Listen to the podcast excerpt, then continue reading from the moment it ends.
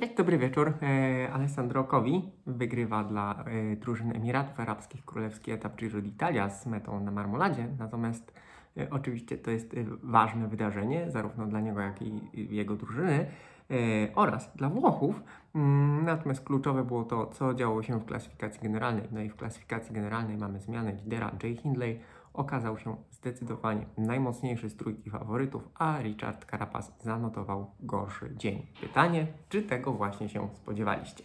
Ja nazywam się Marek Tyniec i codziennie wieczorem komentuję dla Was najważniejsze wydarzenia na włoskim Giro.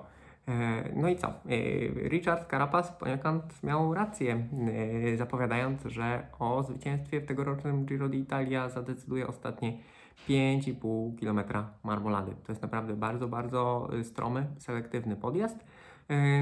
Bardzo męczący, bardzo wymagający fizycznie, bardzo wymagający psychicznie ze względu na niewielką liczbę zakrętów oraz na, no, na stromiznę po prostu, ale też wysokość, na jakiej mm, jest rozgrywany, y, na, y, a w tym roku także na zmęczenie, zmęczenie tym etapem, gdzie wcześniej były dwie duże przełęcze, no i zmęczenie całym Giro d'Italia. No i najlepiej zniósł to Jay Hindley. Jay Hindley, który był jednym z bohaterów pandemicznego Giro rozgrywanego jesienią w 2020 roku, gdzie również świetnie spisywał się w wysokich górach. Ta jego rywalizacja z e, Theo Gegenhardtem była naprawdę e, bardzo, bardzo wyrównana i e, tutaj mamy trochę déjà vu, natomiast przewaga nad Karapazem jest zdecydowanie, zdecydowanie większa. No i niewątpliwie tutaj należy chylić czoła przed drużyną Bory, która wygląda na to, że w perspektywie całego wyścigu była zdecydowanie najmocniejsza. To oni y, rozruszali ten etap wokół Turynu, e, oni mieli zwycięstwo etapowe Kemny, y, na Etnie mieli wreszcie drużynę, która Hindleya wspierała zdecydowanie najlepiej.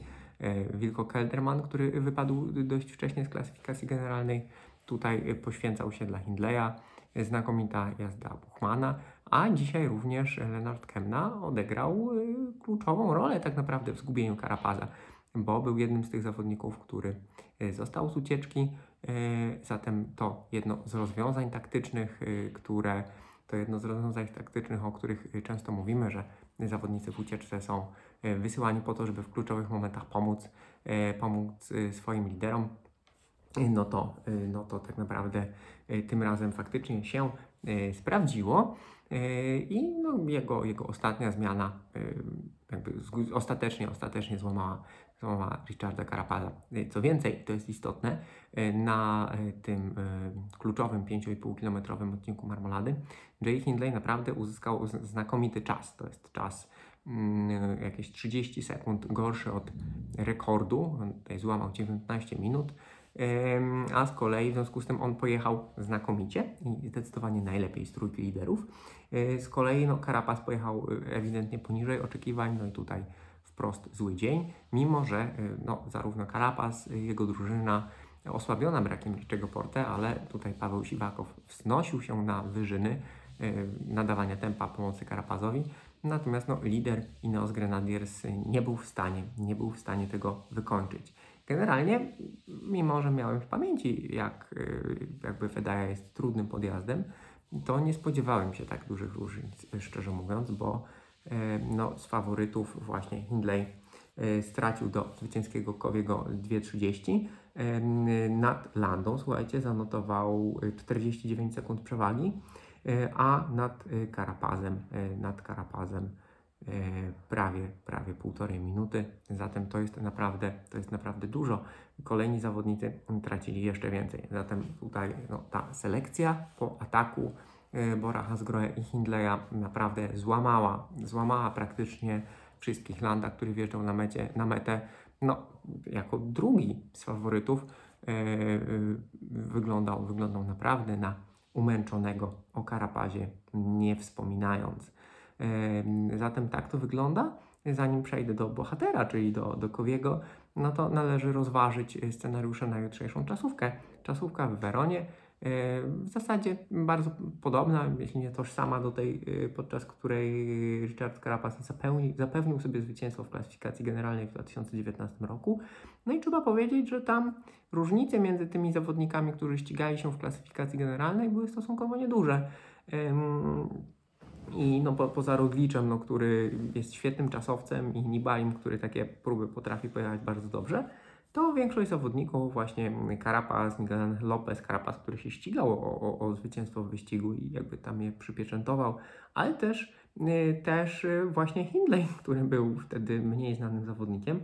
Oni wszyscy pojechali, większość z nich pojechała w, w podobnych, y, w podobnych przedziałach. O dziwo, szybszy od Carapaza był wtedy, był wtedy Mikel Landa i był szybszy od niego o był szybszy od niego o kilkanaście sekund. Zatem jest teraz pytanie, czy y, skoro między Karapazem, który ewidentnie gorzej się czuł, a Landą, który no, tutaj pokazał y, może nie najwyższą moc, ale zdecydowanie taką stabilność dyspozycji, czy te, czy te 26 sekund, które ich dzieli, to jakby nie jest za mało dla Karapaza, aby obronić się przed Landą. Z drugiej strony Jay Hindley, no co by nie mówić, słabo jeździ na czas.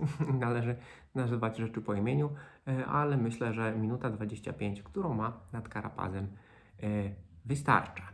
E, co jeszcze? No, dzisiaj mieliśmy naprawdę znów potwierdzenie tego, że te trzy drużyny, czyli Bora Hansgrohe, Ineos Grenadiers oraz Bahrain Victorious, były zdecydowanie w górach najmocniejszymi drużynami na tym wyścigu i po raz kolejny każda z tych drużyn czegoś próbowała, różnych taktyk nadawania tempa, tak jak Bahrain, tak jak Ineos Grenadiers, tutaj pomocników wysłanych, pomocników wysłanych do przodu, tak jak Bora Hansgrohe.